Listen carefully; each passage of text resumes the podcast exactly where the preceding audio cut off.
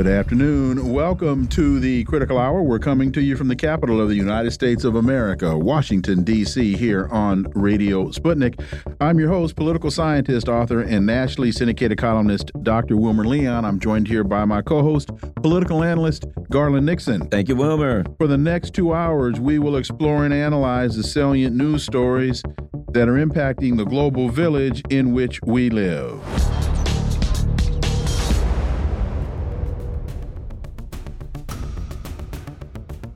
As Houthis vow to fight on, U.S. prepares for sustained campaign. Officials say they don't expect operations in Yemen to last years, but they acknowledge it's unclear when the group's military capability will be sufficiently eroded. For insight into this, let's turn to our first guest. He's a award-winning broadcaster political analyst and journalist based in Beirut, Lebanon. Laith Marouf, as always, welcome back.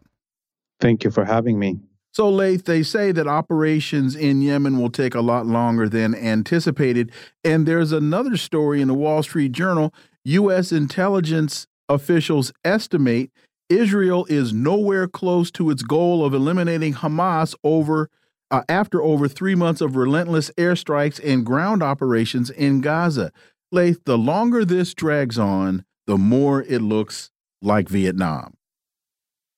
Yes, and uh, it, it may even get to look uh, like Algeria in terms of how Algeria was the last blows of the French imperialist era and France retreating to its borders, and how it took six million for uh, you know dead uh, martyred Algerians for France to end its imperialist uh, vision. And well Palestine and the liberation of Palestine definitely uh, will require a higher price in human um, you know uh, numbers uh, than the liberation of Algeria because uh, Israel as a colony is the cornerstone and the jewel of American imperialism, and it will be, uh, you know, stupid to think that the United States will let go of its imperialist era for a uh, a cheaper price than six million people. You know, when I look at the U.S. and they're, you know, okay, we're going to fight against Yemen. Number one, it seems to me that they picked the I guess the you know the, the the country with the least you know that doesn't have uh, sufficient um, air defense systems. You know, really the weakest, poorest uh, um, uh, country in the region. It seems to me that the U.S. empire only feels comfortable now firing at people that don't have a significant ability to fire back. That they won't attack the big boys. You're, and I'm not saying that that's a bad thing. I'm just saying that seems to be where they are right now. Your thoughts? Well, you know, I think uh, if if we analyze it um, more carefully and we look at how Yemen, geography makes it impossible to be occupied from the outside, and because Yemen is is a huge range of mountains, uh, there's many places to hide weapons in. It's impossible to target things even from air because you you don't have real view of everything with the hard geography of Yemen. Um, and you know, just a, a, few hours ago, the Yemeni military announced that it hit a American freighter ship that is uh, registered with the American military that is carrying American military equipment trying to bring it through the Red Sea. We don't know if that ship sank, but it surely uh, did not cross the Bab el Mandeb Strait. Uh, this uh, shows you that actually Yemen uh, has the intelligence capabilities to monitor what ships uh, are to be targeted, and I think the United States is not going to be able to, uh, you know, break the siege that Yemen has now implemented on the Zionist colony. We're looking at uh, the ship tracking websites right now. All the ships that are passing through the Bab el Mandeb are putting on their tags uh, no Israel slash USA connection. Everybody's declaring they have nothing to do with Uncle Sam and uh, you know Chinese ships are putting uh, old Chinese crew on their on their registration on the GPS. So, uh, and much of the shipping is continuing, except American, British, and Israeli shipping now because of the United States uh, foolishness. But if we uh, we calculate it correctly and understand that while it is a losing war from the beginning for the United States, and it's actually going to cost the West more than if they just sat down and watched Israeli shipping being targeted only. Why would the American and the British and the Canadian uh, prime ministers or the Australian prime ministers make such a decision? And then you realize that this was a public declaration of faith. It's the elite in the West saying that their God is Zionism, their religion is Zionism, and they're pledging their allegiance as all these countries uh, move towards elections coming up. We know Biden is going to have to face Trump and both of them are going to have to, uh, you know, champion, uh, show that they are more Zionist than the other. And I think this is the United States doing that, uh, and they it will they will sacrifice American soldiers for this pledge of allegiance. There is a really uh, telling article in Orinoco Tribune it is entitled Israeli HQ Ordered Troops to Shoot Israeli Captives on October 7th. And we have discussed this with you a number of different times, but this story, I think, is even more revealing than some of the others. Uh, at midday on 7 October, Israel's Supreme Military Command ordered all units to prevent the capture of Israeli citizens, quote, at any cost, end quote, even by firing on them.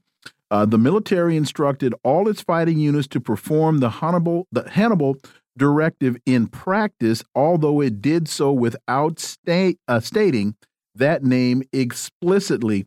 And this story comes from it's a new investigative article by Ronen Bergman and Yoav Zitun, two journalists with extensive sources inside Israel's military and intelligence establishment. Your thoughts, Laith Marouf? You see, now it's the complete debunking of the Israeli narrative uh, about what happened on October 7th. Uh, by the way, Hamas uh, yesterday released a public document uh, titled Our Narrative, Our Story, of what happened uh, during the Al Aqsa flood, and it details exactly the reasons that uh, Hamas did the action and the operation, what happened that day, and uh, what they were expecting from it, and how the Israelis, of course, killed their own civilians. So now we know from both, uh, you know, the Israeli documents that are coming out right now, just like the one that we discussed uh, through this article, that this actually is a copy of the uh, statements that are being made by Hamas.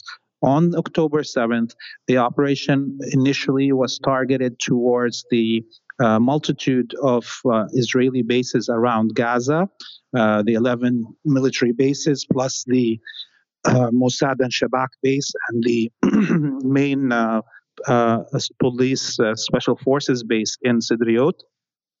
And they were surprised to be able to take over all these bases and capture the leadership uh, and kill as so many Israeli soldiers, and the retreat and run away of much of the Israeli military and police from this huge swath of land. And they were shocked that that happened, and then they were left with all these civilians uh, uh, the, the, of, of, Israeli settlers around them, uh, giving them more chances to have prisoners of war to exchange with the Palestinian prisoners of wars and, and that are uh, in Israeli jails. And of course, uh, as we know now, the Israelis decided to kill their own civilians using uh, helicopter uh, missiles, uh, the Hellfire missiles, and shells from tanks, and uh, shooting through drones on everything that moved and any house that they suspected had uh, Palestinian militants in them, and this this basically is where all the Israeli non-combatants died. It was all they were all killed at the hands of their own government. The Palestinians had a uh, an, an intention and a need to capture as many uh, Israeli uh, you know captives alive to be able to exchange them to Palestinians. He had no intention or need to kill uh, Israeli uh, civilians. So, so tie that quickly to the initial story about the music festival because that the, the the western narrative was oh Hamas is so barbaric and horrific and they went in intentionally to attack the attendees of this music festival and it was just a massacre and they were defenseless and this just shows you the barbarism yeah, no, of course, uh, what had happened is uh, the Zionists are stupid enough to have a rave just at the uh, fence of an extermination camp right beside an Israeli military uh, post. And uh, so the uh, Hamas fighters parachuted and flew with these paragliders into the Israeli base just beside the rave. The rave, by the way, went on for an extra day where it wasn't supposed to be happening and uh, wasn't on the plan of uh, Hamas to even, uh, they didn't even know that this rave was happening. And once the base was captured, uh, and uh, the uh, the Israeli military that came in to, to retake the base, they started shooting, and the of course the people that went to this rave were stuck in the crossfire uh, and still, even the Israeli military troops that came in to fight back Hamas lost that battle, and uh, we saw hundreds of cars from these this rave, uh, you know, running away from the scene. And Israeli helicopters came in and carpet bombed their own uh, rave uh, revelers that went and were trying to escape with their own cars. So we have like you know these uh, tens of cars, if not hundreds of cars, that are piled up on the side of Gaza from that rave that were burned to crisp with these uh, missiles. Uh, the Israeli military killed the rave goers uh, by themselves.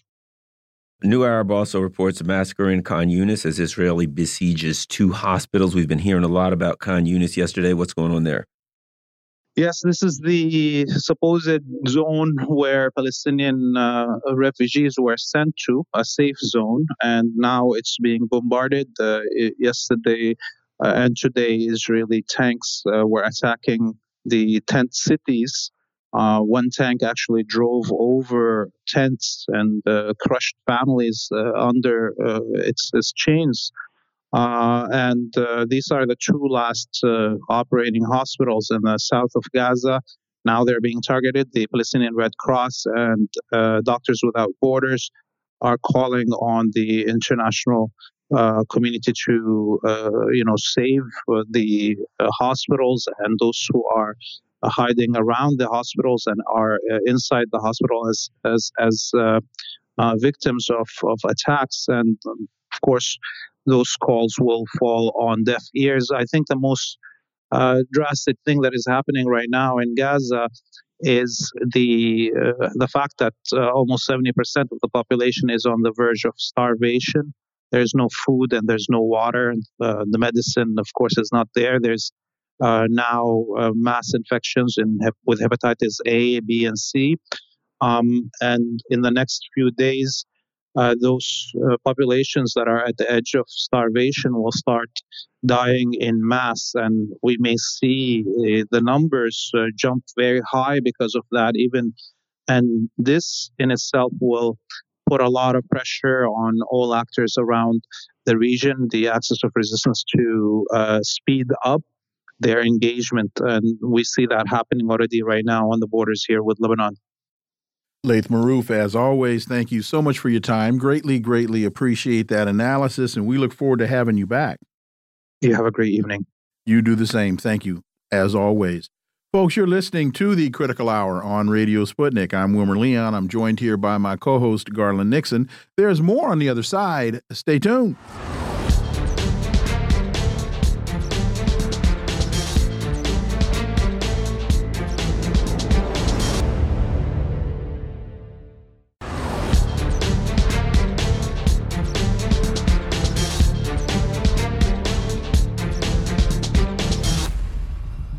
We are back, and you're listening to the Critical Hour on Radio Sputnik. I'm Wilmer Leon, joined here by my co host, Garland Nixon. Thank you, Wilmer. TASS reports U.S. focused on forming servile colonial administration in Ukraine. According to Sergei Naryshkin, the U.S. has determined that the Ukrainian president quote, should on one pretext or another dismiss senior officials who have lost the White House's trust, end quote. For insight into this, let's turn to our next guest. He's a Moscow based international relations and security analyst, Mark Sleboda. As always, Mark, welcome back. Dr. Leon Garland, thanks for having me. It's always an honor and a pleasure to be on the critical hour. Uh, so this uh, piece and TASS continues. The U.S. has started to form a colonial-style administration in Ukraine. This is uh, according to Russian Foreign Intelligence Service Director Sergei Naryshkin. "Quote: The U United States has started to form an actual colonial administration in Ukraine as part of a policy aimed at completely subordinating the country." Uh, according to uh, end quote. He pointed out in a statement. Uh, according to Washington's plan, the administration will consist of Ukrainians who were trained in the West and have sworn allegiance to U.S. interests. Your thoughts, Mark Sleboda. Okay, so it's rather interesting that this was released by Sergei uh, Naryshkin, uh, who is the powerful, influential head of Russia's uh, Foreign Intelligence Service, the SVR, uh, SVR, uh, in English uh, letters. Um, so um, he he made this statement. Um, first of all, I don't think it's correct to say that it, this is a process that has just started, but it seems to indicate that it is a a, a process that the U.S. is now the Biden administration is particularly pushing hard for a sudden change in that direction. And more importantly, I think Naryshkin named names. Um, he named uh, the uh, Oksana uh, Markarova, uh, who studied at Indiana U- University. Uh, they're pushing, uh, Washington is pushing for Ukrainian ambassador to Washington. That must be nice when you can pick a foreign country's ambassador to your own country you know, uh, only only the hegemon, I guess. Um, they are looking for um, uh, they're looking for her to be actually the next prime minister. Uh, she is is already the uh, Ukrainian ambassador to Washington. They want to push her as the prime minute, the next prime minister of Ukraine. Um, they want the current deputy finance minister Alexander Kava, who studied at Harvard, to become the new finance minister you know, uh, replacing uh, uh, his own superior. Um, and the deputy economy economy minister Taras Kachka, a graduate of Poland's National Institute of Public Administration, uh, they want to head the uh, Ministry of the Economy. So they're they're not just looking for small positions; they're looking for top positions uh, for running uh, the Ukrainian government uh, of the Kiev regime. And this actually isn't the first time. Uh, early uh, in the um, Ukrainian, uh, right after the Maidan putsch backed by the United States, we saw a number of foreign um, citizens serving as uh, top Ukrainian government officials. Natalie Jaresko, um, an American uh, born U.S. State Department official, was appointed Ukraine's finance minister from 2014 to 2016. You know, right after the putsch. And she was just one among several uh, of such um, uh, ministers, uh, and not only specifically from the U.S. but from across Western countries, uh, that you know the U.S. helped push, get installed to um, you know turn their new proxy regime, uh, the country in a direction uh, permanently that they wanted it to go. It seems that now there is a renewed push in this direction. That uh, the U.S. is no longer finding you finding Ukrainians uh, who haven't been trained and um, properly uh, educated slash brainwashed in the U.S. Uh, to be competent, uh, to to properly um, carry out U.S. interests in Ukraine, and and that's the reason for this renewed push. So we'll have to keep an eye out uh, whether indeed these changes do take place, and that will give us an even greater indication. You know, Biden has gone beyond demanding that officials be fired, like Ukraine's prosecutor general, to now demanding who will actually fill the positions. Well, Natalie Jaresko now has moved on to be a distinguished fellow over at the Atlantic Council. Completely and totally independent that Ukraine is, Mark. What is this about Budanov? You know, that we hear these people uh, in, in D.C. talk about, oh, there's crazy QAnon conspiracy theories. And this guy, Budanov, who basically says, like, Putin died of 50 million diseases here recently, and they're using I think he's literally saying they're using clones of Putin on television because the real Putin, we know he had about 10 different diseases. Apparently, he's already died. And the word is this guy's replacing Zelensky or something, Mark? Well, if you're familiar with the film uh, Breakfast at Bernie's, then we know that these types of things can actually happen. Mark. I mean that that that is the story of Biden in the White House, right? Weekend at Bernie's. Yeah, um, yeah. This is uh, this is the rumor mill right now in Ukraine, and it's washed over the Ukrainian and the and the Russian media. We've long known; it's long been admitted in the Western media about the bad relations between the Kiev regime's political leader Zelensky uh, and its top general Zaluzhny. Uh, how um, uh, they weren't even talking to each other. The Zelensky was issuing orders to the military, basically going directly over Zaluzhny's head uh, to his commanders. Uh, you know, something that turned out really well for them on the battlefield to have a, com- a comedian president uh, giving uh, military commands, uh, you know, outside of of his own top general. Um, we have reason to believe that the U.S. may have been considering uh, trying to switch horses to Zaluzhny because they uh, were finding that Zelensky is no longer uh, credible and and and perhaps um, altogether there in a mental and political situation uh, to to carry on the conflict the way they wanted it carried out. Uh, and you know, it, it's long been rumored that he wanted to sack Zaluzhny. Now uh, supposedly, uh, uh, the unconfirmed reports are saying that he has done so. But more interesting is that he has replaced him with the Kiev regime's military intelligence chief, the head of the GUR, the genocidal maniac Kirilo Budanov. Um, and th- this rumors comes at a time where, interestingly enough, on the very same day the Financial Times has run a glowing a, a, a glowing biography and paean to Kirilo Budanov uh, with a rather fascinating James Bond villain esque title. Kirilo Budanov, the Ukrainian military spy chief who likes the darkness, quote unquote likes the darkness. Evidently, he demanded to be interviewed in a dark room. Uh, he has the assassination chief has himself survived multiple assassination attempts, leaving him covered with scars. At one point, breaking his neck and his back. Uh, but uh, evidently, for whatever reason, uh, he uh, doesn't like the light.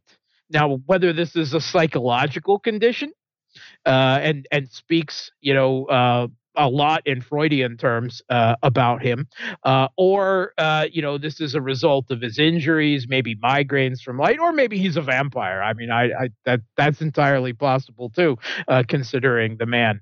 Uh, but first of all, this indicates that Zelensky has no faith, no trust at all in any of his generals not just Zaluzhny, but even other generals that have been considered closer to him, like Syrsky, the head of Ukrainian ground forces. And he is that paranoid and fearful of a military coup against him that he's putting his military intelligence chief over the Kiev regime's generals uh, to command the military. And Kirill Budanov, he has a, a, a special forces background. Uh, he was doing some covert operations, uh, uh, you know, before he rose to this position. But he has never commanded troops on the battlefield. He has no experience, uh, you know, uh, commanding large uh, groups of of, of troops, uh, m- much less forming military strategy. So um, this could end very disastrously, and and is very likely actually to incite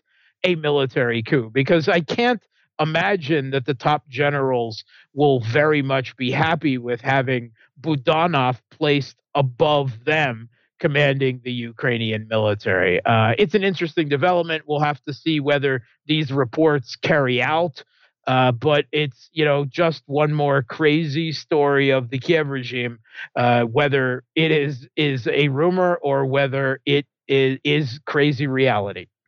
Sputnik obtains list of French uh, mercenaries present in Kharkov during Russian strike. We talked about this, uh, I guess, last Thursday but now they have uh, been able to amass a, a, list of names. And in a more general discussion, and we've got just about two minutes, are we should we connect these dots with these French mercenaries to the French government's involvement in this? The now we've just been talking about the United States involvement in starting to pick uh, Ukrainian administrators that there's now just this very clear and blatant involvement of European and Western allies in this whole Ukraine fiasco. Yeah, that that's you know the the ten million dollar question. Uh, so supposedly, according to Russia, sixty French nationals uh, uh, fighting for the Kiev regime were killed in this airstrike in Kharkov and, and uh, possibly another 20 injured. Um, and the uh, organization SOS Donbass has come forward with a partial list of 13 of of those French nationals. Uh, the Russian government calls them mercenaries.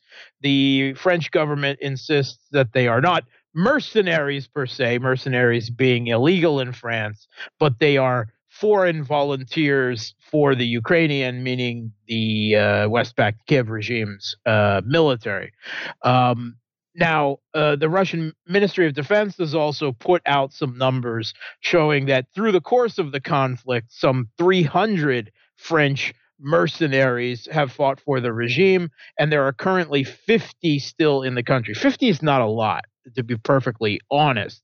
Uh, but the SOS Donbass uh, announced that they're going to put forward more names and more details, including the recent military service record of these people. So, what we will be looking forward to see if the French government, as is rumored from French former French officials, that they are encouraging military personnel to retire to uh, from military service and to go fight in Ukraine on on their behalf and taking a look at the military skill set involved in that. Uh, are they per perhaps you know uh, operating some of the more advanced air defense systems that the French uh, have provided to the Kiev regime?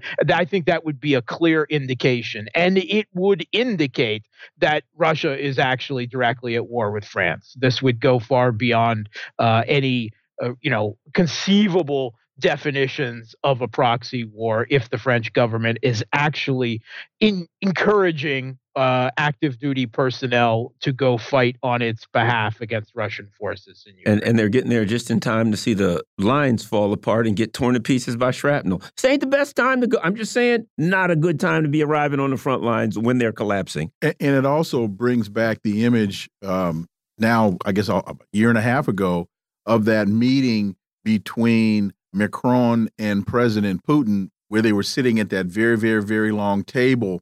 And I seem to recall one of the readouts saying that President Putin told Macron, if you get involved in this, I'm sending a missile into Paris. 30 seconds, Mark Sleboda. Yeah, I, I don't I I'm not aware of that statement uh, coming from Putin. Um, okay. But it certainly uh, shows that table, I think, is very demonstrative uh, and was used by Putin during COVID to indicate political um, distance uh, in relations. Uh, it was used very symbolically and literally uh, to distance the Russian government from the French government and show the gulf in relations between them. Mark Sleboda, as always, thank you so much for your time. Greatly, greatly appreciate that analysis, and we look forward to having you back. Thanks for having me. Folks, you are listening to the Critical Hour on Radio Sputnik. I'm Wilmer Leon. I'm joined here by my co host, Garland Nixon. There's more on the other side. Stay tuned.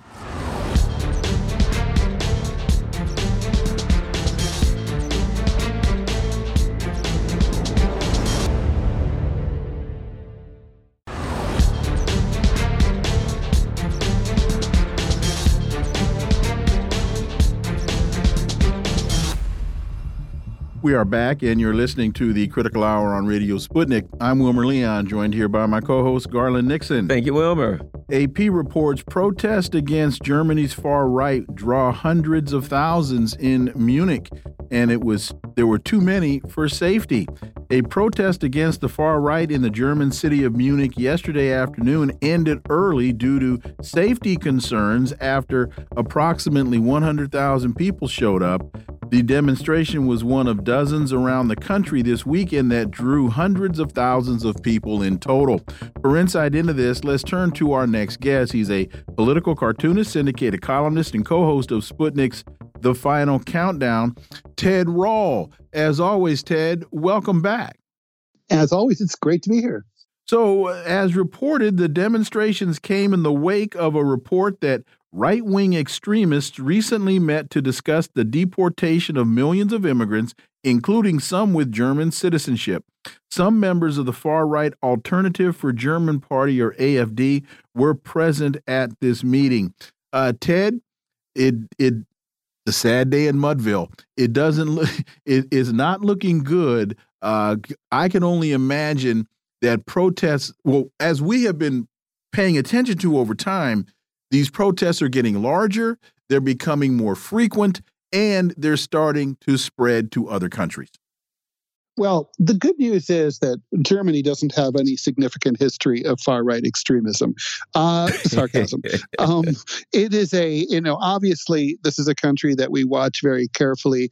And I would say until about 10 years ago, it would have been safe to say never again really does apply to Germany. I mean, you know, the, the in the post war era, both West and East Germans uh, were uh, taught exactly what went wrong in the 20s and 30s and were determined after their country was completely destroyed uh, at, at, at, the end of World War by the end of World War II not to ever go down that same nationalist right wing path again, uh, where you know xenophobia, uh, racism, uh, anti-Semitism, etc., uh, you know, led the country to complete disaster.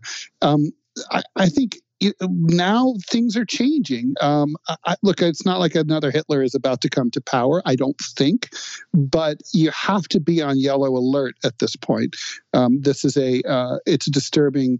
The alternative for uh, for Deutschland Party, the AFD, is just it's a very um, it's a disturbing. It's very analogous, I think, to the situation in France with Marine Le Pen and her party. Um, the problem with the Western Europe these days, and I guess you could say all of Europe, is that what used to be considered far right extremism is increasingly becoming mainstreamed, and that's what these protests are about. To me, Ted, this may seem, I want to get your thoughts on this. To me, of what I see of Germany now, you're just talking about do you want strawberry uh, fascism or butter pecan fascism? You got a government right now that's sending tanks to guys who literally have the Hitler tattoos all over them, goose stepping all over the place. They got a dog eared uh, copy of Mein Kampf in their back pocket, right? So these people are putting tanks in the hands of Nazis on Russia's border saying, hey, you better watch it, guys the Nazis might come to power again. And I'm thinking, which brand of Nazi? To me, it's like, which brand of Nazi do you want? The brand that's in there now or the fascist brand that they're saying maybe worse? Who knows? What do you think of that, Ted? Well, Garland, I mean, I got to push back a little bit. Okay. I think there, I think there is a difference between uh, being uh, in, in, between a regime having a particular type of ideology and construction and political construction, and then that same regime uh, supporting uh, or through a proxy war or arming another regime. I mean, you know, the United States supported Saddam Hussein. Obviously, the U.S. system wasn't the same as uh, as Iraq under the Ba'ath Party, um, but at, but the same point, I mean, at the same time, obviously, it does suggest that maybe there's not enough daylight between those two societies and i think that's the point that you know where i agree with you about it's like are they are they the same are they the same? No they're not the same. I mean obviously uh, the germans germany systems not at all like ukraine system. Germany's not nearly as corrupt. It's certainly you know unlike ukraine which is not democratic and it has canceled all of its elections for the foreseeable future uh, that's not a democracy by any definition of the term. Um, but and you know the and Germany obviously doesn't have that kind of degraded system, but uh, you know the fact is that they are willing to they they are willing to arm a system like that, and that is it's a bad look. Um, but yeah, uh, I, I see the, I see both I see both sides of this.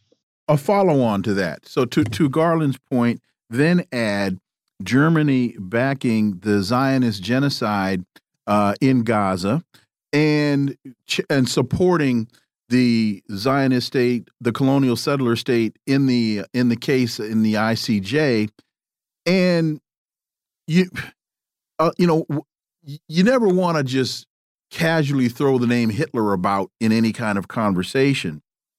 And, and you said it's not that another Hitler is about to come to power. But if we look at the circumstances through which Hitler came to power, and we look at the circumstances that we find today. If you go back to the the Weimar Republic in 1921 and you look at the economic situation, you look at the social dynamics, and you look at where we are 102 or 103 years later, uh, we're finding ourselves smelling similar stench. So it's not that another Hitler will come to power, but it's it's it's it's becoming very Third Reich esque one might say.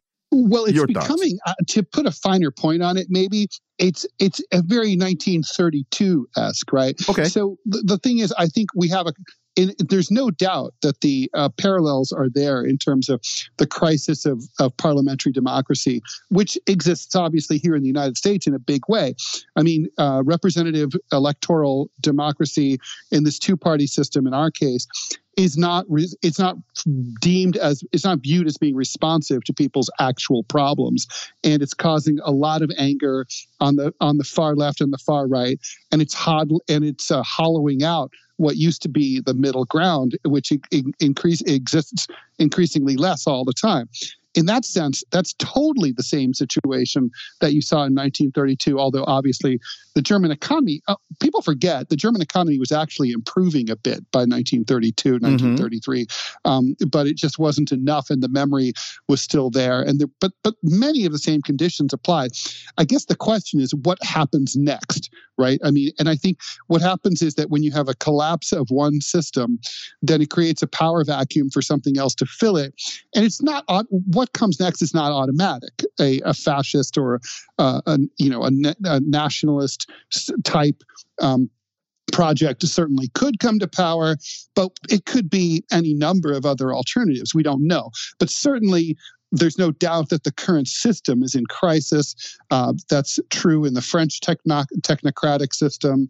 Uh, it's certainly true in Germany. It's certainly true in the U.S. as well. So I think it's we have to be concerned because I think the left, in particularly in the in the United States and in France, is in such disarray that it would be fair to even call them close to being non-existent in terms of their ability to fill that power, that power vacuum. And you can see, well, who's going to be able to do it? Who's better organized? Who's got the uh, the the backing and who's got the this is very similar to 1933 is who has the uh, alliance within the mainstream system that allows to, them to insinuate themselves in you know in the same way that Hitler made common cause with Hindenburg's party and the traditional Catholic and other uh, German conservative parties uh, and came to power, they thought they could use him and manipulate him to form a coalition. And of course, he just took over and ate the whole thing. That you're seeing, that's what we're seeing in Germany right now. And that's a direct parallel. Patrick Lawrence writes The End of Global Leadership, the president's signature product. America will lead democratic nations in a crusade against the world of uh, authoritarianism.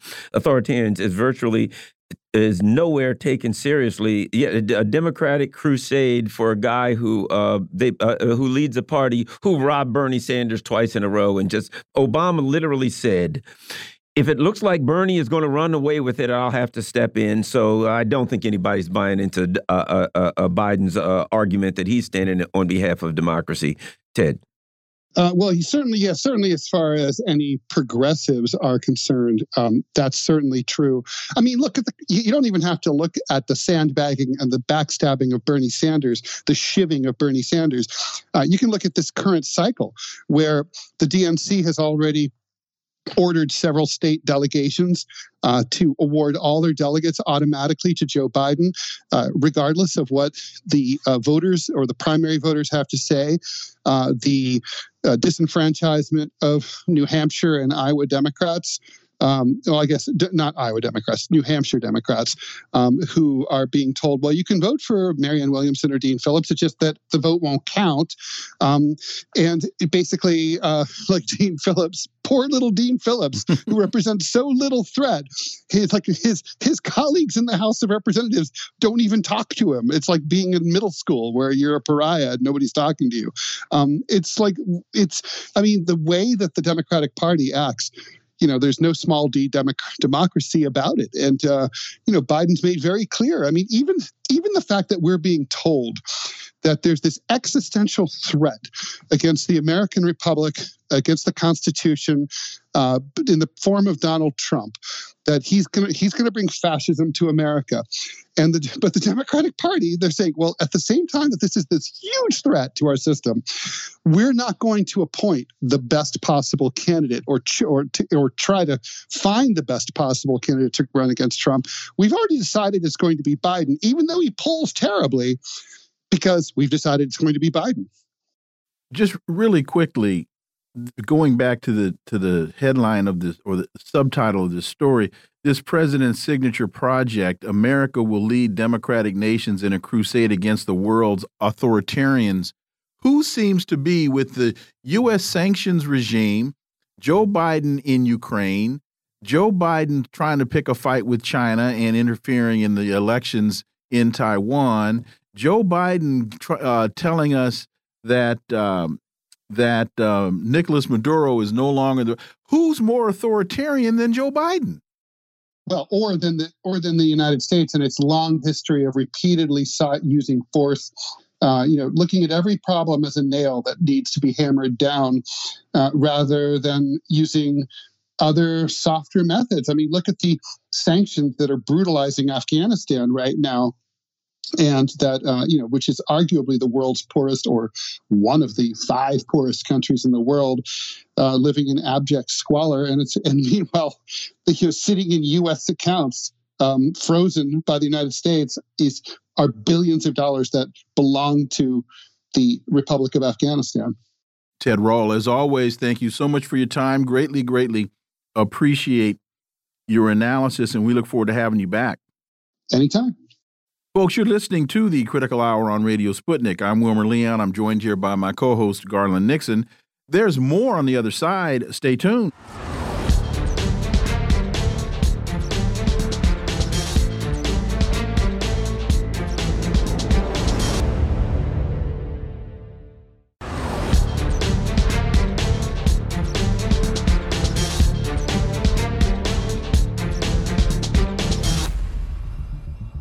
We are back, and you're listening to the Critical Hour on Radio Sputnik. I'm Wilmer Leon, joined here by my co host, Garland Nixon. Thank you, Wilmer. We have a breaking news. This is from the Atlanta Journal Constitution. Dexter Scott King, the son of the late Reverend Dr. Martin Luther King Jr., and his wife, Coretta Scott King, has died of prostate cancer, cancer at the age of 62. And um, he was uh, chairman of the King Center. At one point, uh, they said that the 62 year old son of the civil rights icon died at his home in Malibu, California. His wife, Leah, said in a statement that he died peacefully in his sleep. Again, Dexter Scott King, the youngest son of the Reverend Dr. Martin Luther King Jr., and his wife, late wife, Coretta Scott King, dies of cancer at the age of 62. Naked Capitalism has a piece entitled uh, Michael Hudson on Russia, Iran, and the Red Sea. NATO's war economy collapses. In a new discussion with Danny Haiphong, Michael Hudson continues his analysis of why U.S. policies aimed at hurting Russia, China, and Iran are damaging U.S. allies, particularly Europe. For insight into this, let's turn to our next guest. She's an independent American journalist and RT correspondent Rachel Blevins. As always, Rachel, welcome back. Thank you for having me. Hudson says, well, it's the U.S. that's saying that it's a stalemate in Ukraine. What they mean is that the Ukraine counteroffensives have utterly been ineffective. Ukraine has lost the war. Russia can just continue to take however much it wants, but there is no point in Russia trying to take more land right now because Zelensky is sending all of the Ukrainians he can find, especially the Hungarian Ukrainians, the Russian speaking Ukrainians, and the Romanian Ukrainians uh, in the fight to get killed. So one can see if Zelensky is turning to those populations, that would, and, and if Russia were to, to continue along the same line, those are a lot of the same people that Russia got involved in this conflict in the first place to to uh, to protect. Rachel Blevins. Yeah, it's interesting how everything is kind of coming together. I mean, it's been notable as you watch Russia. They've said that their objectives have really stayed along the same lines the entire time since this started nearly two years ago. And yet you have the United States in a position right now where they're still struggling to pass more funding for Ukraine. That's a an argument that has kind of been put aside for Congress while they figure out how to fund the rest of the government. And now that they've got their latest stopgap spending bill, it's like, oh yeah, we've got to take up funding for Ukraine and Israel and Taiwan and this massive aid package that Biden put out there months ago that they still haven't approved. Now they're still getting as much funding to Ukraine as they can, but it, it's just another reminder that we are in yet another situation where there doesn't seem to be an end game here for the US and its NATO allies when they look at Ukraine. They went into this hoping to hurt Russia, knowing that this was a proxy war against Russia.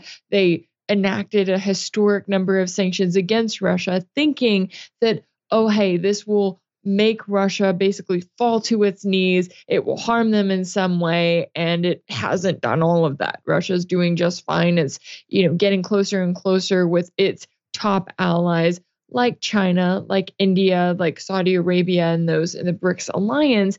And so while all of this is happening, it's putting the US in a place where up until this point, they've been able to say, oh, yeah, here's a few more billion or tens of billions or even hundreds of billions. But now they're getting to the point where they're struggling to keep up with the industrial needs of Ukraine. Oh, and then you also throw in the fact that Israel is carrying on this unprecedented bombardment against the Gaza Strip and it needs the US to supply its weapons. And I thought it was really notable what we heard from Joe Biden last week when he was asked about the latest rounds of airstrikes targeting the Houthis in Yemen. And he specifically said, is it working? Are the strikes working? No. Are they going to continue? Yes. And it seems as though that is really just the picture of US foreign policy right now. Nothing that the US government is doing or funding is leading to any sort of successful aims, such as winning a war or defeating an adversary in any way, but yet they've agreed to all of these different conflicts and they are pushing right along, even though it is leading to even more and more failure for Washington. Well, I will push back on one thing, Rachel. I think there is a an area where the United States has had tremendous success. Um, uh, one of the things Michael Hudson says is the United States has told Europe you can really only trade with us and our NATO allies. In their plan to destabilize, deindustrialize, impoverish, impoverish, and politically enslave Europe, they've been very, very successful because the leadership of Europe is right along with it. And basically, I didn't, I never thought about it until I heard Michael Hudson even get to that point where he said, well, wait a minute. If you say to Europe you can't do business with Russia, and you say to Europe you can't do uh, business with China, all you're saying is you got to buy everything from us, and then we're going to jack up the price, and then you're going to drop into poverty. Seems to be the direction that we're going, and they seem to be quite successful at it. Um, Rachel. Yeah, I will give you that. That is the one thing that they've done well. And even then, even with that success, you have to remember that this is not going to end well for Europe. It's not going to end well for the United States' closest allies. I think that's what's so crazy about all of this is you look at, you know, Russia, for example, and its approach, it goes to countries such as those in Africa and it says, hey, we want to work with you. We want an agreement that's going to be mutually beneficial. We want to help you out. And hey, we're going to treat you as an actual country, not as you know, this land of resources that we get to abuse because we said so.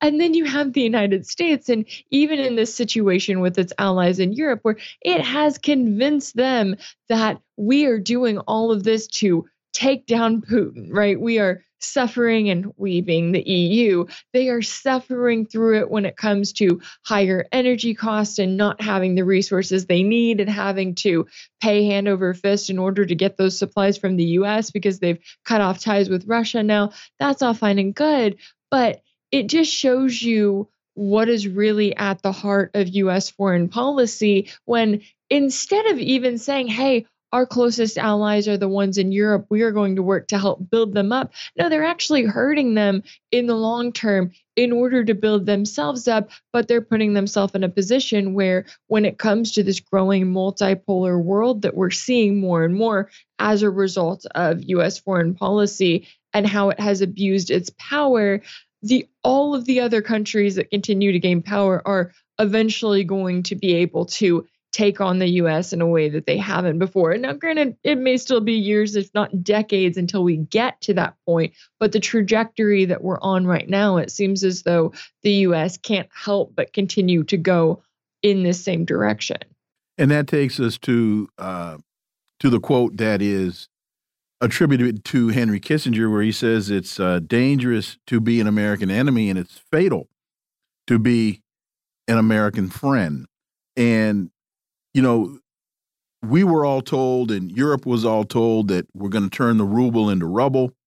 And we also looked at the fact that the United States engaged in an act of war against one of its allies in blowing up the Nord Stream pipeline to facilitate this whole idea of the United States deindustrializing uh, uh, Europe.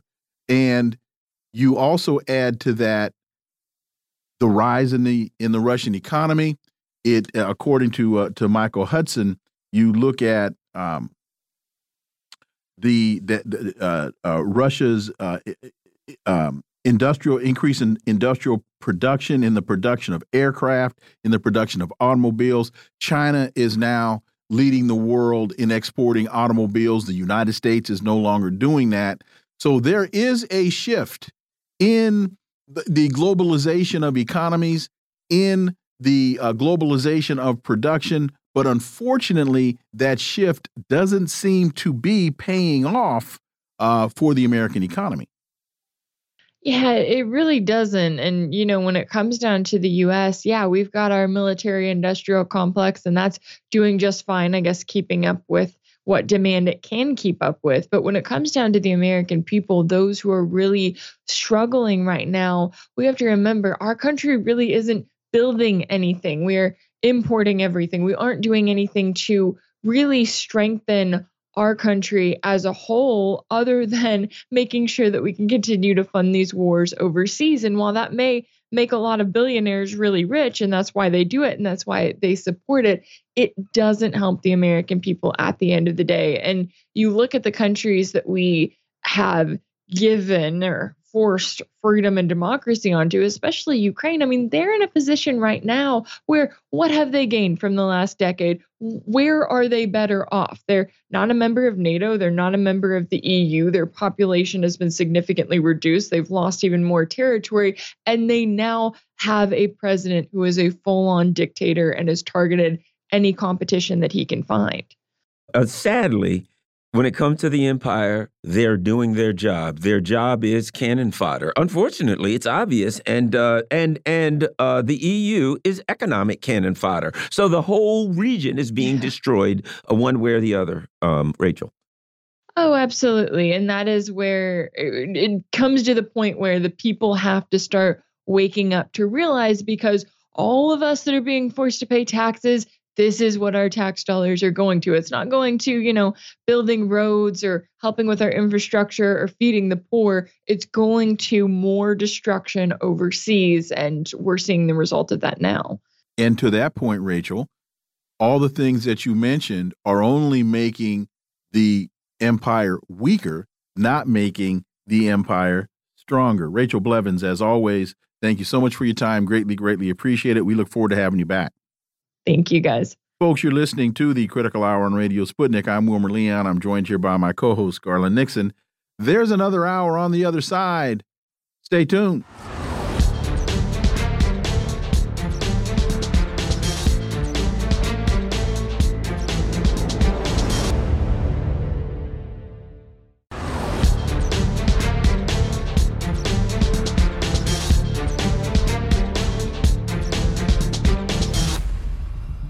We are back, and you're listening to the Critical Hour on Radio Sputnik. I'm Wilmer Leon, joined here by my co host, Garland Nixon. Thank you, Wilmer. Want to get back to the uh, breaking news that we announced uh, in the last segment.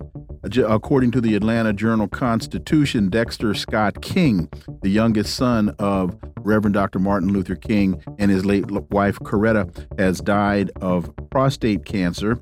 He was uh, 62 years old. He, according to his wife, uh, fought a valiant battle with prostate cancer and that he passed peacefully in his sleep.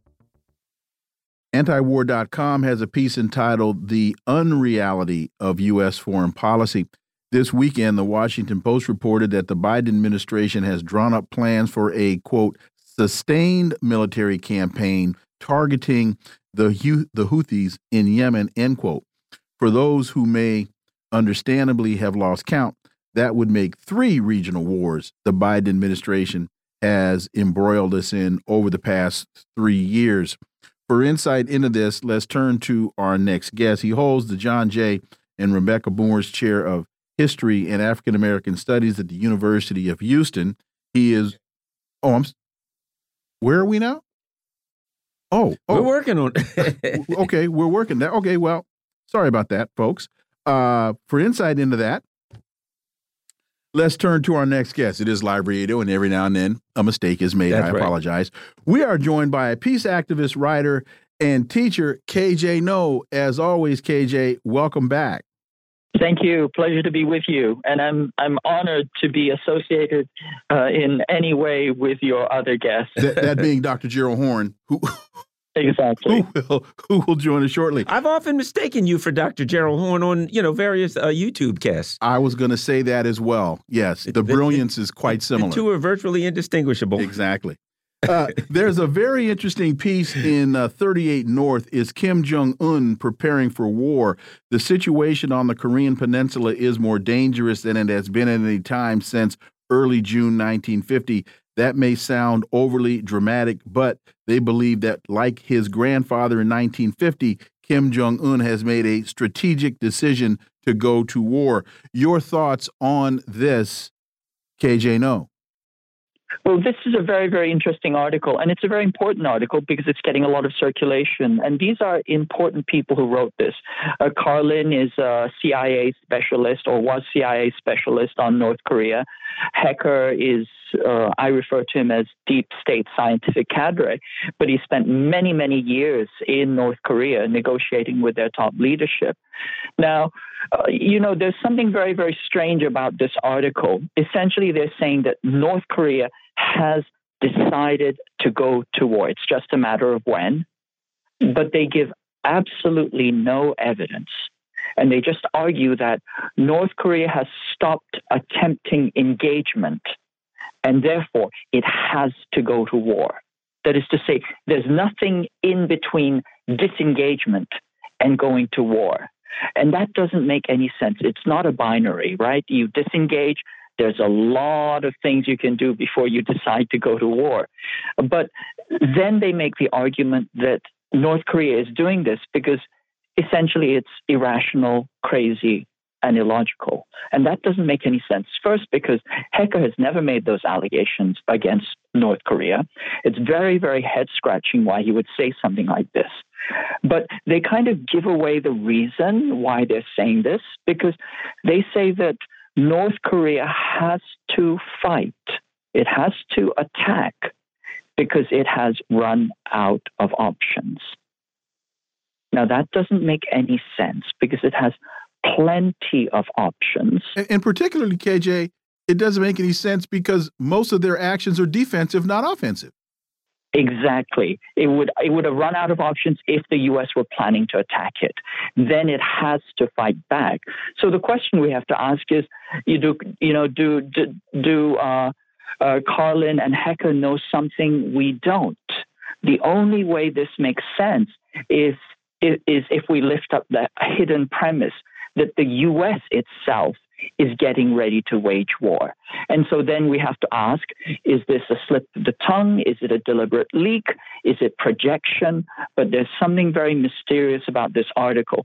But what certainly is the case is North Korea uh, there's no reason for North Korea to go to war.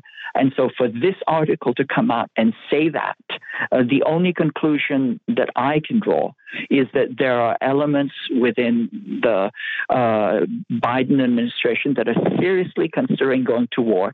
And what they probably did was they consulted with Hecker, who was, you know, one of the you know, most important experts on North Koreans' uh, nuclear capacity in order to assess risk.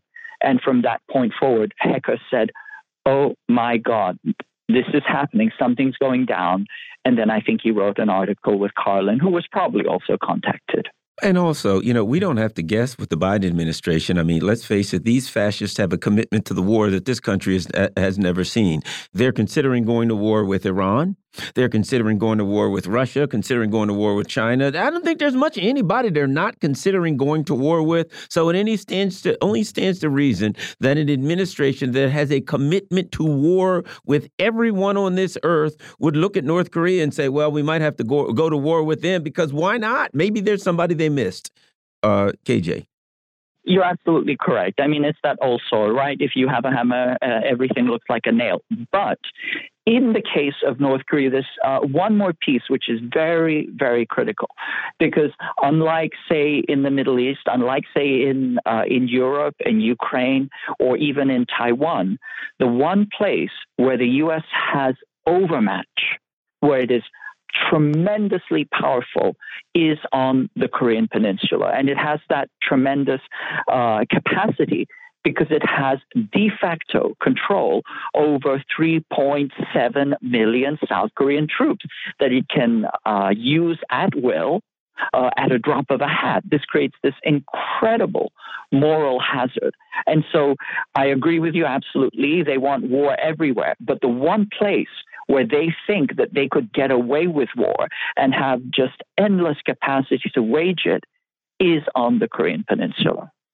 One of the elements of this article that gave me pause and I had to question its the the intent of the piece hypnotized by quote unquote deterrence Washington and Seoul cling to the belief that their alliance backed by ironclad deterrence will keep Kim on the status quo trajectory, perhaps with some minor provocations. There is a belief, entirely understandable, that more and more frequent symbols of our intent to retaliate will keep the North at bay, as will our off stated conviction that if the North attacks, the counterattack will totally destroy the North Korean regime. Well, when the United States sends nuclear submarines into South Korea, when the United States engages in war games with South Korea, when the United States engages in practicing the assassination of Kim Jong Un, and what he does is respond to those provocations. I'm trying to figure out what movie um, Carlin and Hecker have been watching because I think they're they're watching the wrong film. You're absolutely correct. And I, I, would say that this is Carlin's writing here, not Hecker, because Hecker is not that misguided, but certainly not. I mean, there is no hypnotism. Uh, the U.S. is not, uh, you know, has not been complacent. It is constantly escalating, constantly provoking. I mean, just recently, you know, people have said, well, NATO is doing this 90,000 person exercise in Europe. It's the greatest exercise since World War II. What they don't tell you is the U.S. has been doing exercises involving 300,000 troops routinely on the Korean Peninsula against North Korea. And so there is constant, constant uh, threat. Uh, uh, there's constant provocation, constant threat mongering, and certainly, as you point out, there's constant rehearsal of decapitation strikes, including the ones done most recently by the Capital Mechanized Brigade near Pocheon, which resulted in, you know, the retaliation by North Korea with uh, firing shells into the Northern Limit Line. And so, I think you're absolutely correct. Uh, you know, they're completely misrepresenting the situation, and of course course, uh, you know, the U.S. is always, always, uh, you know, uh, escalating and threatening. It's, uh, uh, you know, so so for them to say that we are sometimes complacent or hypnotized or just, uh, you know, coasting on some status quo strategy is a complete misrepresentation of the facts. And let's not forget that during the Trump administration, when Trump, you know, for all of his faults, and there are many, he uh, tried to do, you know, get a deal with North Korea. And what did the machine do? They crushed it. When he went over there, John Bolton was, you know, running around saying, you know, that uh, that uh, North Korea was going to get the Libya treatment. They did everything. They they put all these articles in the Washington Post. So when there was a possibility of peace and and, and, and some kind of a resolution to the tension in North Korea, the system stepped up and wiped it out, which is another reason I think they're freaked out over Trump. Go ahead. Yes, you're absolutely right. Certainly, they're freaked out over Trump. Not only, you know, what he might do in Asia, but more primarily what he might do with uh, uh, Europe, and in particular NATO. But you're absolutely correct that the U.S. has been the fundamental obstacle to peace on the Korean Peninsula. And that has been the case since 1953 when it declared that it was not interested in seeking uh, an enduring peace as the armistice had actually mandated it to do. And so the U.S. does not want peace because it needs escalation in the peninsula against North Korea as a stalking horse for war against China. There's no interest in peace.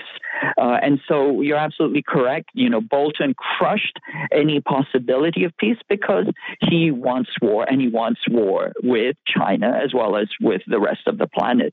So the, really the only, you know, outcome that we have gotten out of, you know, Trump's engagement with North Korea you know, is a new Scrabble word, D O T A R D. You know, I think that's the only benefit that, you know, we've seen from that. Asia Times has a piece Xi's Taiwan rhetoric backfired at the ballot box. Taiwanese voters made loud and clear their stand on China's choose me or I'll kill you rhetorical choice.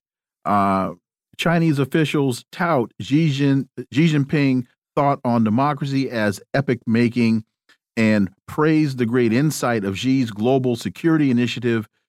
When it comes to Taiwan, however, Xi appears stuck with a misguided and failing policy as underscored by the results of the island's January 13 election. Can you speak to this whole thing about his rhetoric is has backfired as though he's the one that brought about the result in the elections and it this also makes me think about Nikolai Petrov's piece last week where he says to bring peace in Ukraine, you have to undo the big lie. And the big lie was that uh, President Putin wants to take over Europe. Um, those th this piece just made me think of Petrov's piece. Your your thoughts? Yes, it's exactly the same type of mendacity and propaganda.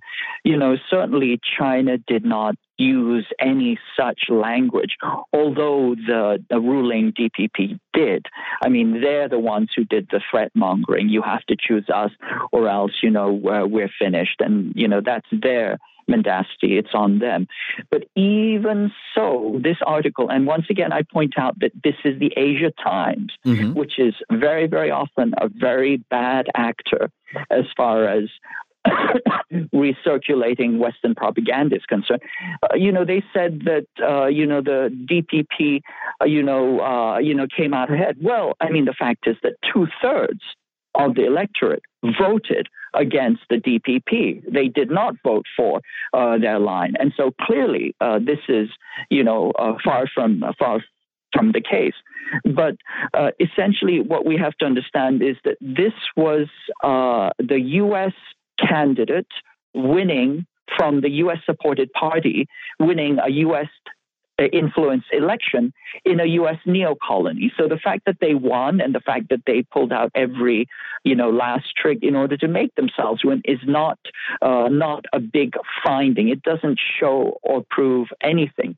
And the other point that I will make is, you know, people love to go on about how, you know, Taiwan Island is some kind of model democracy. It's not. It wasn't a democracy until the 80s or 90s, uh, and then what it has right now is a very archaic first past the vote, uh, first past the post system, where anybody, all they need to do is get a small plural plurality, not a majority, but a small plurality that is more than uh, any any of a number of other candidates, and then they win the executive. And this is a very very regressive form of uh, electoral democracy, if you can even call it that. In fact, the U.S. refers to most of the other countries. That's only about 20 countries on this planet that use this system. It refers to most of them as authoritarian dictatorships.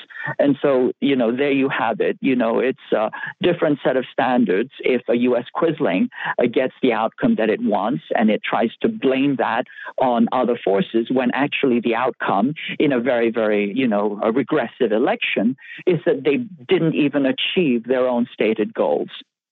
KJ Noh, as always, thank you so much for your time. Greatly, greatly appreciate that analysis. We look forward to having you back. Thank you. Always a pleasure. Folks, you're listening to the Critical Hour on Radio Sputnik. I'm Wilmer Leon. I'm joined here by my co host, Garland Nixon. There's more on the other side. Stay tuned.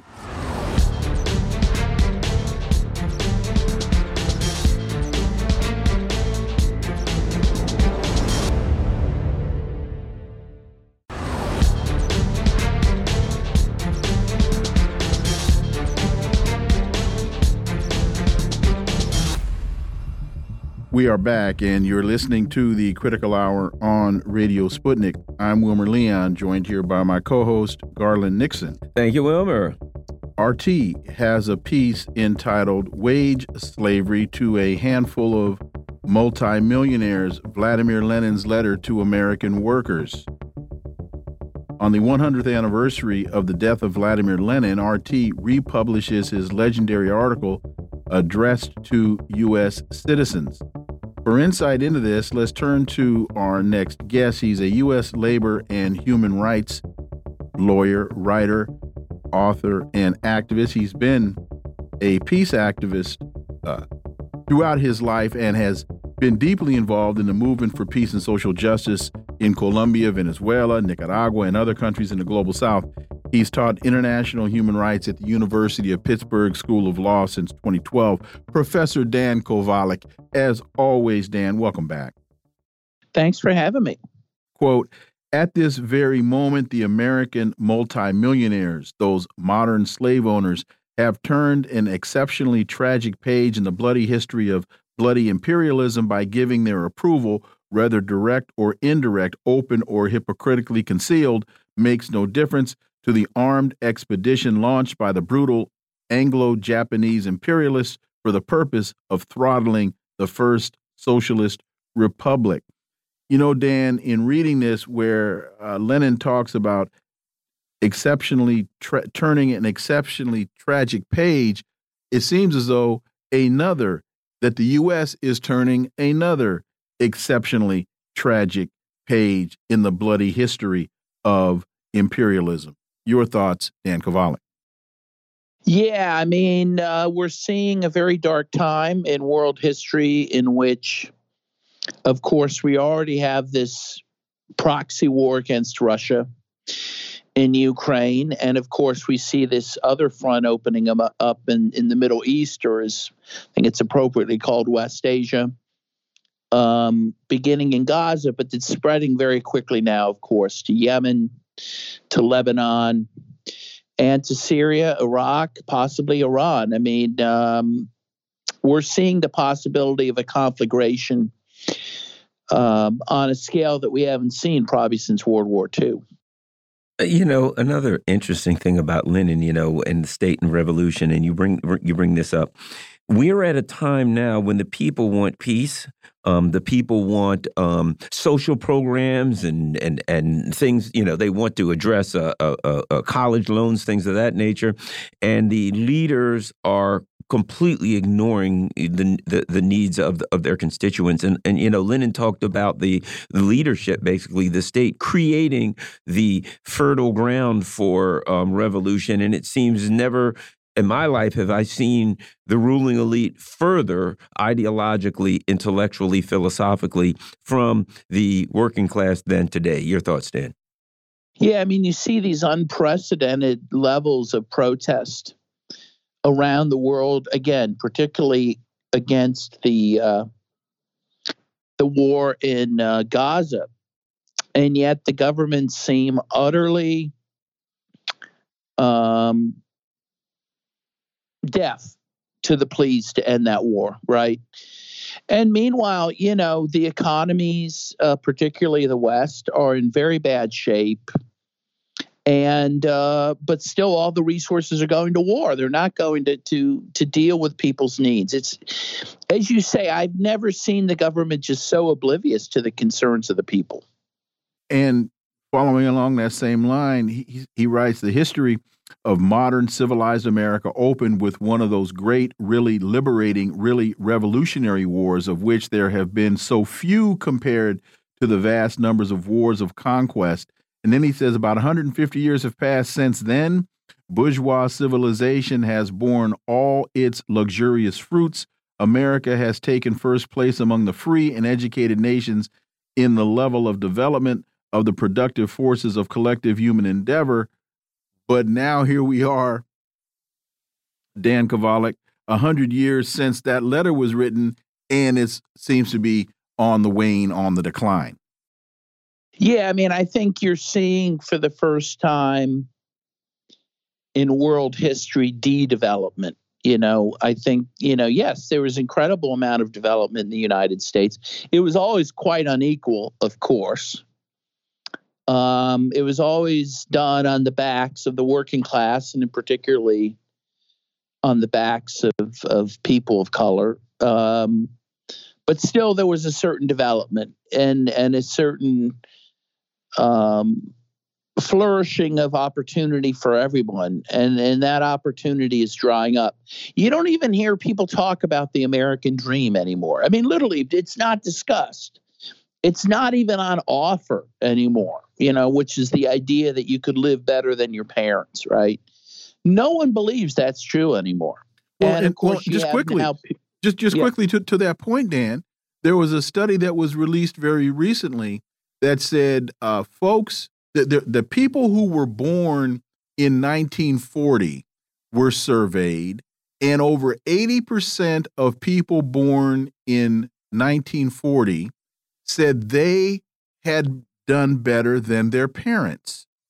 Then they surveyed people born in 1980, and only 50% of those people said they were doing better than their parents. So, to your point, the American dream is only discussed in the fact that it's in decline. Yeah, so now you have people, it's now very common for young people to live with their parents, in fact, till the age of 30 because they're just not making it on their own um, anymore. And I do think even just the level of optimism about the future amongst the young in this country, it's just non existent. People don't feel like there's a bright future. They see war, they see environmental degradation. They don't see a lot of hope, you know. And um, I just saw, you know, a comment yesterday, someone saying, you know, the politicians for the first time aren't even offering hope. At least they used to you know they used to pantomime those words now they don't they're, they're not even claiming to offer us anything you know um, it's quite amazing well, and and what we've got again, if you get back to Lenin, what what what what the other thing that's going on is this: the politicians now they don't say, "Hey, um, we've got to get together, and so I can help you." They say, "Trump over there, he's bad," and my group of ruling elite people have an uh, have a gripe with that group of ruling elite people, and we need to bring the working class in to help us in our fight against something that Lenin talked about. And, you know, the, I guess, Bonapartism, whatever you want to call it, wherein the ruling of factions fight amongst each other and they try to basically recruit the very people that they're oppressing to help them fight another no person in the noble class. And then afterwards, they all come back, come together and celebrate. Uh, your thoughts?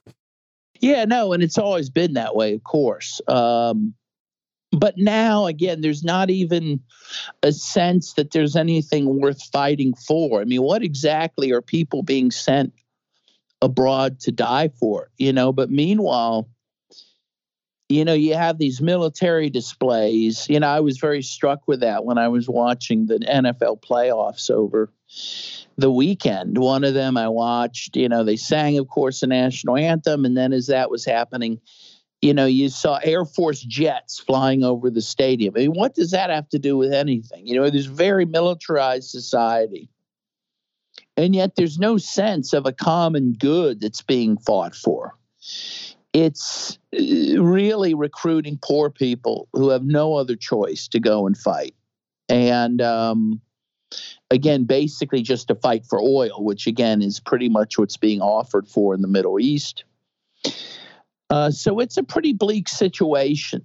Um, and I don't think most people buy into it anymore. I mean, again, a lot of the dream was false in many ways to begin with. Um, was it Langston Hughes who said, you know, America is, is you know, is not America to me? Mm-hmm. You know, that was Langston Hughes, yes. And for a lot of people, it never was. I know that, you know, but it was for some people, certainly. Now I'm not sure it is for anybody. Now I don't I don't feel that pe- there's many people have a sense of America as this land of opportunity. AP has a piece. North Korea stresses alignment with Russia against U.S. and says Putin could visit at an early date. Uh, North Korea said that President Putin expressed his willingness to visit the North at an unspecified early date as the countries continue to align in the face of their separate, intensifying confrontations with the United States.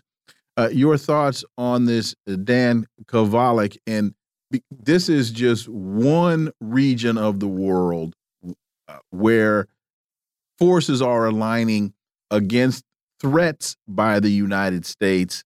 And it seems as though everywhere now we turn, the, Uni the United States just mentioned that they're getting ready to uh, to scale up the the fight with uh, Ansar Allah in in Yemen. It's everywhere you turn, they're trying to fight somebody. Dan Kovalik. Yes, and what they're doing, of course, they're forcing countries into these alliances. Although some of these, of course, are old alliances. Of course, North Korea had a very good relationship with the Soviet Union. Uh, Russia, of course, is the legal successor now to the Soviet Union um, and with China as well. And um, Russia and China are now very closely aligned. And so it makes sense, of course, for North Korea to be closely aligned to those two countries as well. But again, as you say, some of that is out of necessity because the U.S. is becoming more belligerent towards countries like North Korea. And as you say, Yemen, I mean, really, you know, the U.S. feels like they're at war with everyone, don't they? you know, and that's really troubling. Well, you know, Dan, I put it like this. What the U.S. is really at war with is modernity. The world is changing. The world, uh, uh, nothing stays the same. In the modern world is other countries are rising, other powers are rising, other people are getting independent, and the U.S. is at war. It seems that they're at war with everyone in the world because they're at war with the very changes of the world itself. Got about a minute. Many of which the United States has brought on, implemented, and fomented itself. Yeah.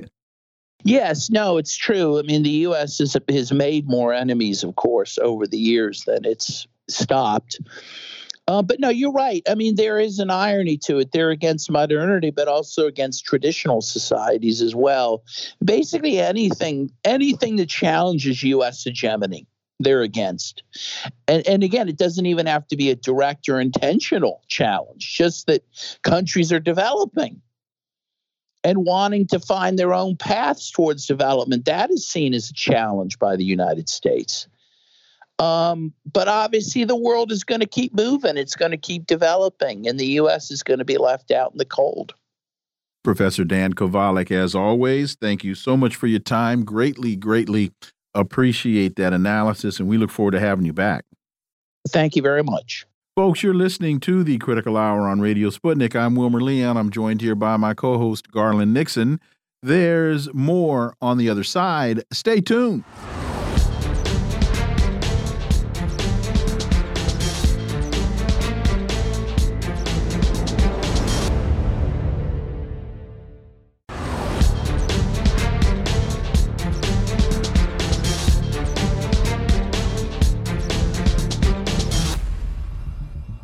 We are back, and you're listening to the Critical Hour on Radio Sputnik. I'm Wilmer Leon, joined here by my co host, Garland Nixon. Thank you, Wilmer. Ron DeSantis drops out of the 2024 presidential race and endorses Trump.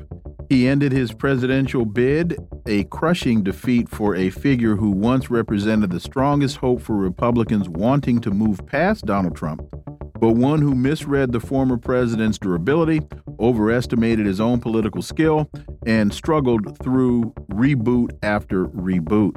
For insight into this, what has happened to DeSantis, uh, let's turn to our next guest. He's the co host of the Convo Couch and AM Wake Up on Rokfin, Craig Jardula. As always, welcome back. How are you doing, gentlemen? Great to be on the show today. Uh, we're doing better than Ron DeSantis. I'll tell you that. Uh, I don't know about that. Well, I, about that. I think you made the right move here. uh, quote, I am today suspending my campaign, end quote. He said in a video posted on social media, quote, it is clear to me that a majority of Republican primary voters want to give Donald Trump another chance. DeSantis, whose campaign announcement uh, in May was a glitch filled disaster placed a distant second in Iowa's caucuses, and instead he would continue in the race. But he was polling badly in New Hampshire behind, behind Nikki Haley and Trump. Craig, I'll tell you, it, it's it's ironic here because early in the game, Ron DeSantis tried to present himself as Trump Jr. He was he was in many instances more Trumpian than Trump, and many thought that he was along the Trump ideological line, but he was a sharper, shrewder politician. And then he tries to shift gears in the campaign to distance or differentiate himself from Trump. And voters despise or deplore a lot of things, but a phony is one thing, a fraud is one thing that many voters will pick up on very early and they detest till the very end.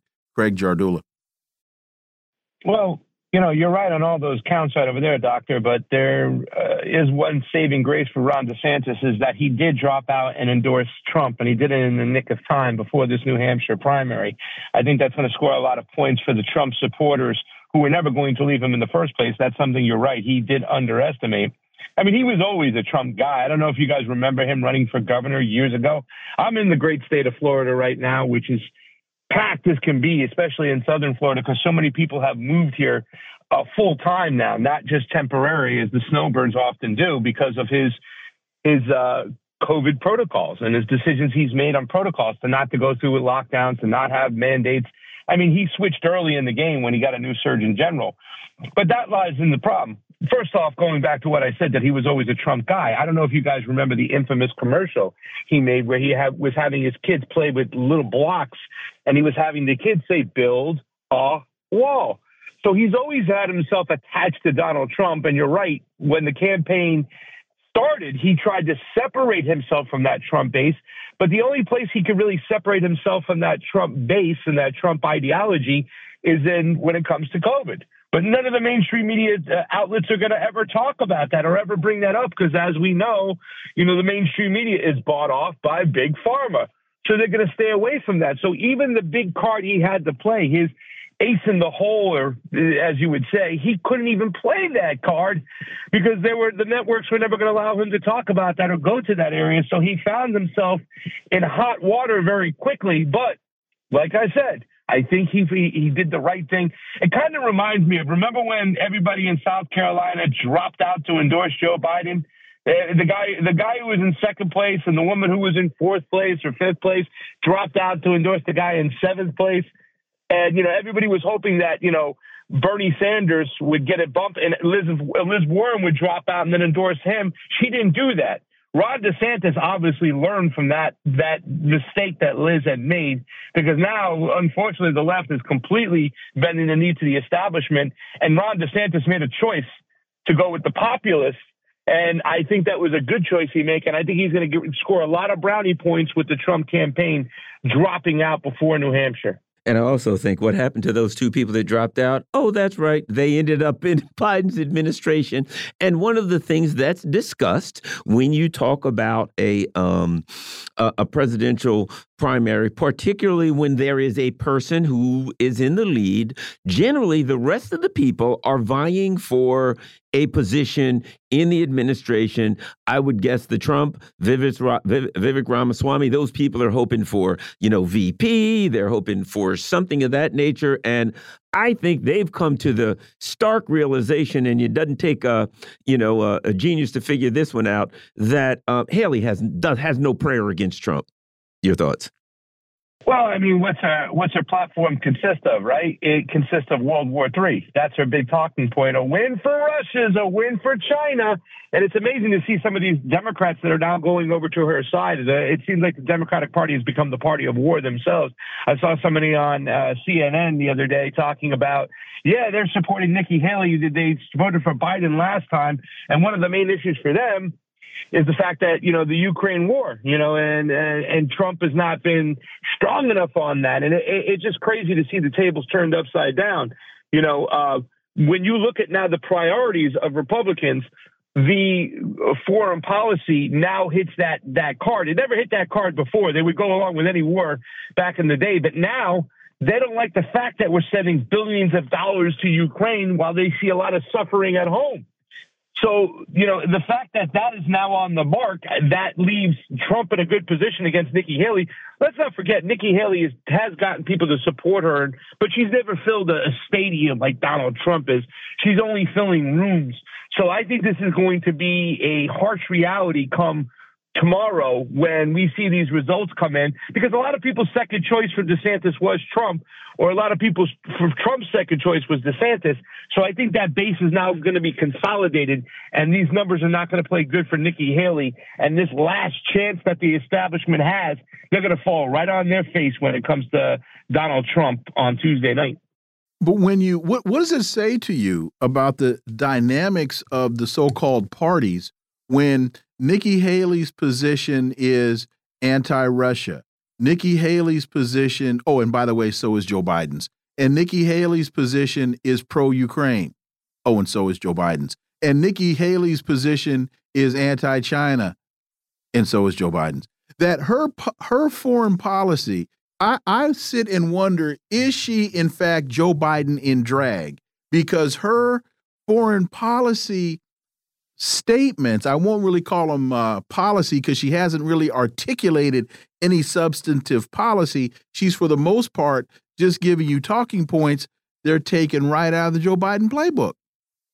Yeah. Well, Joe Biden allied himself with Dick Cheney on almost every single war. Let's not forget this guy has been pro war since 1973. That's the year I was born. That's when Joe Biden entered into politics. 50 years old right now. So I mean, he, there wasn't a war that Joe Biden or Dick Cheney didn't love, and Nikki Haley is ditto to that, you know. And I mean, I think, you know, there's a lot of things I disagree with Vivek Ramaswamy, but I do appreciate the point that he pointed out that if you wanted Dick Cheney with six inch heels, then you choose Nikki Haley. It reminded me a lot of what Donald Trump said in South Carolina about Jeb Bush and the Bush family when it came to Iraq war. And I think the populace is going with that. That doesn't mean that the Republicans don't like all wars. There are some wars they'll get behind. They'll surely get behind Israel right now when it comes to the Gaza situation. But there's a lot of wars they have this kind of libertarian fiscal mentality about that they don't want to get involved with. And it's obvious that Nikki Haley is more of the same.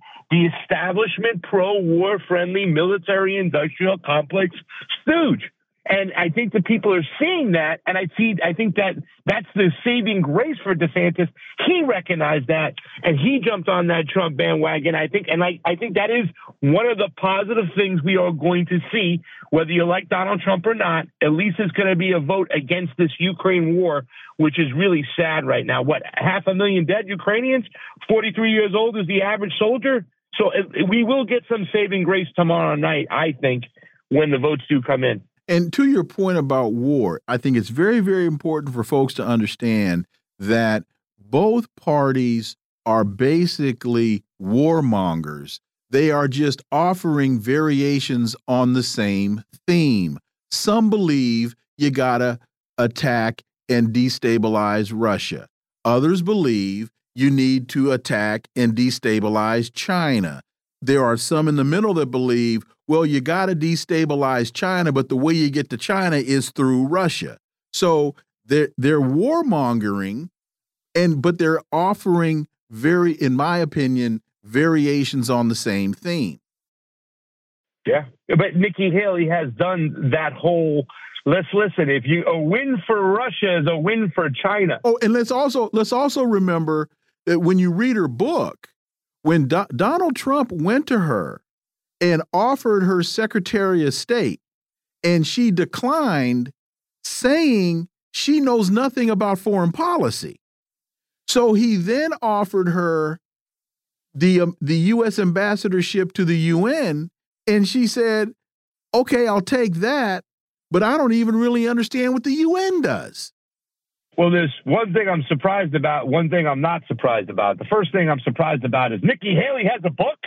I didn't know that. You know, to say, wow, that's shocking. And who's going to read it? Who's going to buy it? But the thing I'm not surprised about is the fact that, you know, and this is something that a lot of the Republicans can play off, Doctor, is the fact that they say, okay, I know nothing about foreign policy. Good. Well, the populist right and the Republicans, they hate the UN anyways. So send somebody like Nikki Haley uh, who doesn't know about foreign policy anyways, just to be objective and throw a monkey wrench and everything because we don't like the UN anyways. So I mean, it doesn't surprise me that did that did happen, but it does show the writing on the wall. Now she's not going to be in the UN. She's trying to run for the big boy seat, the president of the United States, and unfortunately, that light will be shined. And like I said, tomorrow night, that saving grace will show you that the populace is not crazy about all wars. I wish they were. I wish they weren't crazy about a lot of the other wars. I wish they weren't so anti-China or pro-Israel. But you know what? I'll take the Ukraine situation right now because maybe we can end that sucker uh, if Trump has these numbers come through. The only problem is that the left now has been all about every single war out there because don't you know? Vladimir Putin hates the LGBTQ community, so it's okay to go to war with him, and that's why the leftists get behind war when it comes to Ukraine. Craig Jardula, as always, thank you so much for your time. Greatly, greatly appreciate that analysis, and we look forward to having you back. Definitely. Folks, you're listening to the Critical Hour on Radio Sputnik. I'm Wilmer Leon. I'm joined here by my co host, Garland Nixon. There's more on the other side. Stay tuned.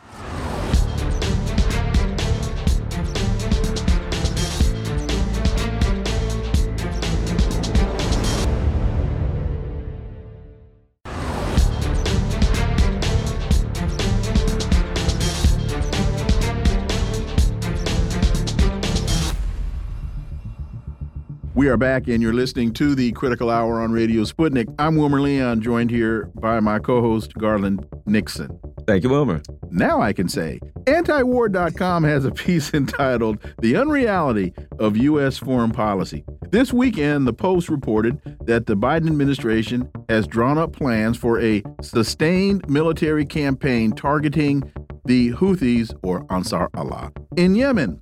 For those who may understandably have lost count, that would make three regional wars the Biden administration has embroiled us in over the past three years. For insight into this, let's turn to our next guest. He holds the John Jay and Rebecca Moores Chair of History and African American Studies at the University of Houston, one of the most prolific writers of our time. His latest books are entitled I Dare Say, a Gerald Horne Reader, and Acknowledging Radical Histories. Dr. Gerald Horne, as always, welcome back. Thank you for inviting me. So, Dr. Horne, operations in Yemen, it's reported now, will take a lot longer than anticipated. And there's another story in the Wall Street Journal. U.S. intelligence officials estimate Israel is nowhere close to its goal of eliminating Hamas over after three months of relentless airstrikes and ground operations in Gaza.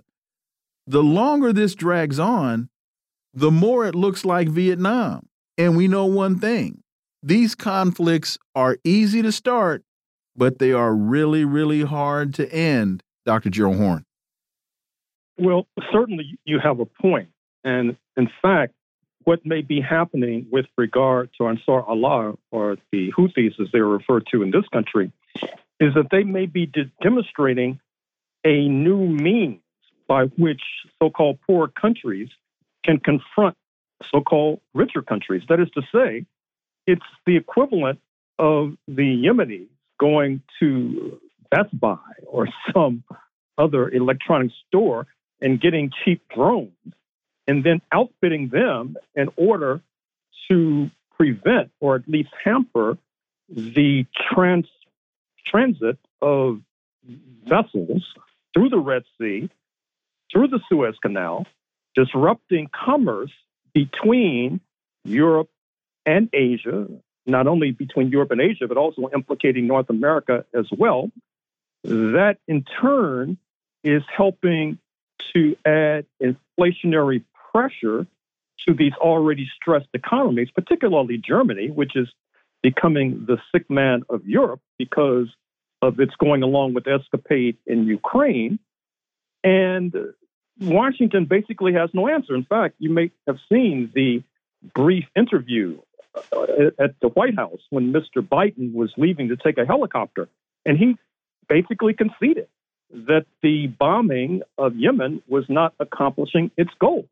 But he also said that it would continue, uh, which I think probably helped to inspire that writer at antiwar.com. But as if that were not enough to contemplate, keep in mind as well that flying under the radar is this war game, this military exercise, this NATO exercise. Speaking of steadfast defender, uh, since the Cold War, there has not been a military exercise this gargantuan. It will last for four months. It involves 90,000 troops, 31 nations, plus Sweden, which is supposedly going to display its military mettle, which will then uh, ease the path for it to officially become part of NATO. And of course, the tip of the spear is the United States of America. It's designed to go or to simulate of what would happen if NATO has to frontally, as opposed to indirectly, as we see in Ukraine. But what happens when NATO frontally has to confront a Russia? That is to say, that this steadfast defender military exercise, in some ways, is a kind of stage rehearsal, I'm afraid to say, for World War III. And in case there are those in your audience who think I might be engaged in inflationary rhetoric, keep in mind that Admiral Rob Bauer of NATO has basically told the member states to prepare for war, uh, up to and including uh, instituting conscription, a military draft. Uh, other uh, commentators are suggesting that in response, Russia will not rest recumbent as this is taking place on its border. And speaking of its borders, I'm sure you must have seen that attack on a facility just outside St. Petersburg uh, just the other day, presumably by the Ukrainians, but wiser heads may not rule out the participation of one of the Baltic states, particularly Estonia, or not to rule out Lithuania or Latvia. In any case, this may cause Russia to step up its consultations with its allies, particularly Iran and China, not to mention the Democratic People's Republic of Korea. Speaking of the latter, if you look on the front page of the New York Times today, you'll find a sort of harem scarum article about how the DPRK is preparing for war, we are told, against the U.S. allies, speaking of the Republic of Korea or South Korea. So, in many ways, what's happening, with all due respect to antiwar.com, soars far beyond uh, what we are now understandably focused on with regard to the Yemenis and the Red Sea and the alleged and purported threat uh, to Israel, uh, because speaking of the latter, we know that the end game for Israel is to somehow encourage and entice a more than willing U.S. imperialism to jump headlong into this fray on the premise that U.S. imperialism somehow will be able to overthrow the regime in Tehran as Israel sees it, the regime in Tehran is basically at the point of the axis of what they would consider to be the axis of evil, although, of course, from Iran's point of view, it's the axis of resistance, because as they see it, it's Iran that's behind the Yemenis, it's Iran that's behind the Hezbollah in southern Lebanon, uh, it's Iran that is behind the Iraqi regime, which is now encouraging U.S. troops to evacuate their territory. And uh, I dare say that if this kind of confrontation continues, uh, the world will be aflame and it will not escape the borders of the United States of America. Dr. Horne, if you could um, uh, uh, um, compare all of that to the internal threat of the empire. You know, here we have they're you know the Democrats are looking to run Joe Biden, who can't find his way off stage off of a stage on the on a good day. Trump's he's running away with it, no question about that. The little question what's going on there, and um, the the system here is you know they're on red alert over Trump. Um, hundreds of thousands of people in the street in Germany. There's you know people are furious at their governments in Germany and France. So you have governments saying we've got to go after this country or that country. Meanwhile, internally these countries are economically, politically, and culturally extremely unstable, more so than they've been in a long time. And dare I say, as a result of their foreign policies when it comes to the various um, uh, uh, uh, you know, actions that are being taken against Russia, China, et cetera, with the various uh, types of, um, uh, economic actions that they're taking. Uh, Dr. Horne.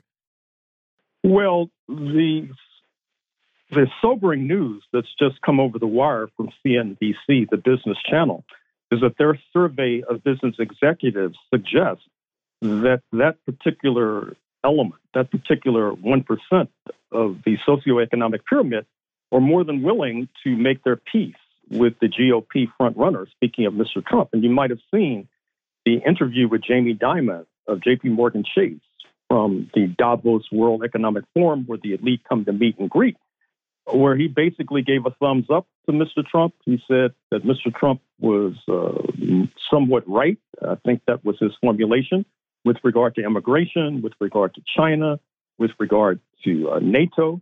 Interestingly enough, uh, he was strangely echoed by the otherwise or alleged left wing filmmaker Michael Moore, who provided a sort of rationalization for why Trump has a 75 million strong base and this is sobering news because whatever Mr. Trump plans with regard to Ukraine, the fact of the matter is uh, that it does not necessarily bode well for Iran.